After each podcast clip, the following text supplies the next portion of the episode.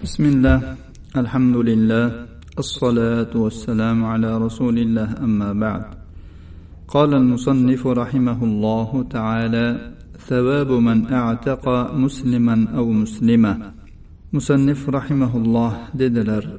musulmon qul yoki muslima cho'rini ozod qilgan kishining savobi عن أبي موسى رضي الله عنه عن رسول الله صلى الله عليه وسلم قال من اعتق رقبه اعتق الله بكل عضو منها عضوا منه من النار رواه احمد باسناد صحيح abu muso roziyallohu anhudan rivoyat qilinadi rasululloh sollallohu alayhi vasallam dedilar kim bir qulni ozod qilsa olloh uning har bir a'zosi evaziga uning a'zolarini do'zaxdan ozod qiladi imom ahmad rivoyat qilganlar ushbu hadisga sahih targ'ib va tarhibda bir ming sakkiz yuz to'qson to'rtinchi raqam ostida sahih deb hukm qilingan. وخرج أحمد من طريق علي بن يزيد عن زرارة بن أبي أوفى عن مالك بن الحارث رضي الله عنه أنه سمع رسول الله صلى الله عليه وسلم يقول من ضم يتيما من أبوين مسلمين إلى طعامه وشرابه حتى يستغني عنه وجبت له الجنة البتة. ومن اعتق امرا مسلما كان فكاكه من النار يجزى بكل عضو منه عضوا منه من النار imom ahmad ali ibn yazid orqali u zirorat nabiy afadan u molik ibn harisdan roziyallohu anhu rivoyat qildi u rasululloh sollallohu alayhi vasallamdan eshitdilar u zot dedilarki kim ikki musulmon ota onadan qolgan yetimni o'zining yemoq ichmog'iga ya'ni taomiga va sharobiga qo'shadigan bo'lsa to u bundan behojat bo'lgunicha ya'ni balog'atga yetguncha u uchun jannat albatta vojib bo'ldi. Kim bir musulmon kishini ozod qilsa u uning do'zaxdan qutulishi bo'ldi. Uning har bir a'zosi uning a'zosiga do'zaxdan jazo bo'ladi ya'ni o'rniga o'tadi ushbu hadisga sahih targ'ib va tarhibda bir ming sakkiz yuz to'qson beshinchi raqam ostida sahih deb hukm qilingan وعن ابي امامه وغيره من اصحاب النبي صلى الله عليه وسلم عن النبي صلى الله عليه وسلم قال ايما امرئ مسلم اعتق امرا مسلما كان فكاكه من النار يجزي كل عضو منه عضوا منه وأيما امرئ مسلم أعتق امرأتين مسلمتين كانتا فكاكه من النار يجزي كل عضو منهما عضوا منه رواه الترمذي وقال حديث حسن صحيح abu umama va undan boshqa nabiy sallallohu alayhi vasallamning ashoblaridan rivoyat qilindi nabiy sollallohu alayhi vasallam dedilar qay bir musulmon kishi musulmon qulni ozod qiladigan bo'lsa u uning do'zaxdan evazi bo'ladi. Uning har bir a'zosi uning a'zolariga evaz bo'ladi. Qay bir musulmon kishi ikkita muslima ayolni ozod qilsa bu ikkisi uning do'zaxdan evazi bo'ladi ya'ni ozod bo'lishi bo'ladi. Ularning har bir a'zosi uning har bir a'zosiga evaz bo'ladi. Ushbu hadisni imom termiziy bir ming besh yuz qirq yettinchi raqam ostida rivoyat qilganlar va sahih deb hukm qilingan. ورواه بنحوه أحمد وأبو داود من حديث كعب بن مرة أو مرة بن كعب السلمي وزاد فيه أيما امرأة مسلمة أعتقت امرأة مسلمة كانت في كاكها من النار يجزي كل عضو من أعضائها عضوا من أعضائها ayni ma'nodagi hadisni imom ahmad abu dovud kab ibn murra yoki murat ibn kab sulamiy roziyallohu anhudan rivoyat qilishgan. Unda ushbu ziyoda kelgan. Qay bir muslima ayol bir muslima cho'rini ozod qilsa u uning do'zaxdan evazi bo'ladi ozodligi bo'ladi. Uning har bir a'zosi uning har bir a'zosi o'rniga o'tadi. Ushbu hadisga sahih targ'ib va tarhibda bir ming sakkiz yuz to'qson ikkinchi raqam ostida sahih deb hukm qilingan. وعن ابي نجيح السلمي رضي الله عنه قال حاصرنا مع رسول الله صلى الله عليه وسلم الطائفه وسمعت رسول الله صلى الله عليه وسلم يقول أيما رجل مسلم أعتق رجلا مسلما فإن الله عز وجل جاعل وقاء كل عظم من عظامه عظما من عظام محرره. وأيما امرأة مسلمة أعتقت امرأة مسلمة فإن الله عز وجل جاعل وقاء كل عظم من عظامها عظما من عظام محررتها من النار. رواه أبو داود وابن حبان. abu najih sulamiy roziyallohu anhudan rivoyat qilinadi dedi biz rasululloh sollallohu alayhi vasallam bilan birga toifni qamal qilib turdik. Men shunda rasululloh sollallohu alayhi vasallamdan eshitdim u zot dedilar. Qay bir musulmon kishi bir musulmon erkak qulni ozod qilsa ya'ni qo'l ostida bo'lgan qulni ozod qilsa alloh azza va jalla uning suyaklardan har birini ozod qilgan kishining suyaklaridan har bir suyakka do'zaxdan himoya saqlovchi qiladi. Va qay bir muslima ayol qo'l ostida bo'lgan muslima cho'ri ayolni ozod qilsa alloh azza va jalla uning har bir suyagini ozod qiluvchi ayolning har bir suyagiga do'zaxdan himoya qiluvchidir. Abu dovud va ibn hibbon rivoyatlari ushbu hadisga sahih targ'ib tarhibda bir ming sakkiz yuz to'qson yettinchi raqam ostida sahih deb hukm qilingan. Ya'ni bu yerda himoya qiladi evaz qiladi deyilgani ozod qilish bilan buni ham do'zaxdan ozod qilib yuboradi. Ya'ni buning suyaklari o'rniga uni suyaklari yoki u do'zaxga kiradi degani emas. Buni ozod qilganligi uchun alloh taolo uni oxiratdagi do'zax azobidan ozod qiladi. وعن البراء بن عازب رضي الله عنه قال جاء ربي إلى رسول الله صلى الله عليه وسلم فقال يا رسول الله علمني عملا يدخلني الجنة. قال إن كنت أقصرت الخطبة لقد أعرضت المسألة أعتق النسمة وفك الرقبة. قال أليست واحدة؟ قال لا عتق النسمة أن تفرد بعتقها. وفك الرقبة أن تعطي في ثمنها رواه أحمد وابن حبان baro ibn ozib roziyallohu anhudan rivoyat qilinadi dedi bir arobiy rasululloh sollallohu alayhi vasallam oldilariga kelib dedi ey rasululloh menga meni jannatga kiritadigan bir amalni ta'lim bering u zot dedilar sen qisqa so'zlagan bo'lsang ham juda katta narsani so'rading jonni ozod qil Va qulni ozod bo'lishiga yordam ber. U so'radi bu ikkisi bir xil emasmi? U zot dedilarki yo'q. Jonni ozod qilishda o'zing uni yolg'iz ozod qilasan. Qulni ozod bo'lishiga yordam ber deyilganda uni pulini to'lashda sherik bo'lasan. Imom ahmad ibn hibbon rivoyatlari. Imom ahmad ibn hibbon rivoyatlari ushbu hadisga sahih targ'ib tarhibda bir ming sakkiz yuz to'qson sakkizinchi raqam ostida sahih deb hukm qilingan. وعن ابي سعيد الخدري رضي الله عنه انه سمع رسول الله صلى الله عليه وسلم يقول خمس من عملهن في يوم كتبه الله من أهل الجنه من عاد مريضا وشهد جنازه وصام يوما وراح إلى الجمعه واعتق رقبه رواه ابن حبان abu saidin al hudriy roziyallohu anhudan rivoyat qilinadi. U rasululloh sollallohu alayhi vasallamdan shunday deyayotganlarini eshitdi.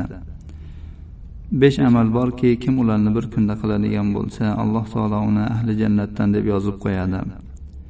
Kim kasal ko'rgan bo'lsa janozada hozir bo'lgan bo'lsa ro'za tutgan bo'lsa jumaga borsa va qul ozod qilsa. ibn hibbon rivoyatlari ushbu hadisga sahih targ'ib va tarhibda bir ming sakkiz yuz to'qson to'qqizinchi raqam ostida sahih deb hukm qilingan وعن ابي هريره رضي الله عنه قال قال رسول الله صلى الله عليه وسلم ايما رجل اعتق امرا مسلما استنقذ الله بكل عضو منه عضوا منه من النار وقال سعيد بن مرجانا فانطلقت به إلى علي بن الحسين فعمد علي بن الحسين إلى عبد له قد أعطاه به عبد الله بن جعفر عشرة آلاف درهم أو ألف دينار فاعتقه. وفي رواية قال النبي صلى الله عليه وسلم من اعتق رقبة مسلمة اعتق الله بكل عضو منه عضوا منه من النار حتى فرجه بفرجه. رواه البخاري ومسلم. Abu hurayra roziyallohu anhudan rivoyat qilinadi dedi. Rasululloh sollallohu alayhi vasallam aytdilar qay bir kishi musulmon qulni ozod qilsa alloh taolo uning har bir a'zosi evaziga uning bir a'zosini do'zaxdan qutqaradi. Said ibn murjani aytadi men bu hadisni ali ibn husaynga olib bordim. U bu hadisni eshitgach abdulloh ibn jafar o'n ming dirham yoki ming dinor bergan bir qulini ozod qilib yubordi. Boshqa bir rivoyatda kelganki nabiy sollallohu alayhi vasallam dedilar kim bir musulmon qulni ozod qilsa alloh taolo uning har bir a'zosi bilan uning har bir a'zosini do'zaxdan ozod qiladi. Hattoki ونين جنسي uning jinsiy a'zosini jinsiy a'zosiga evaz qiladi. Imom ومسلم va muslim وعن ونقبه بن عامر رضي الله عنه قال قال رسول الله صلى الله عليه وسلم من اعتق رقبه مؤمنه فهي فكاكه من النار رواه احمد وابو داود والنسائي في حديث والحاكم وقال صحيح الاسناد عقبه بن عامر رضي الله عنه دروات قلنا ده رسول الله صلى الله عليه وسلم ادلال kim bir mo'min qulni ozod qilsa u uning do'zaxdan evazi yoki ozodligi bo'ladi. Imom ahmad imom abu dovud nasoiylar rivoyat qilganlar hokim ham rivoyat qilganlar. Ushbu hadisga sahih targ'ibot tarhibda bir ming sakkiz yuz to'qson uchinchi raqam ostida sahih deb hukm qilingan.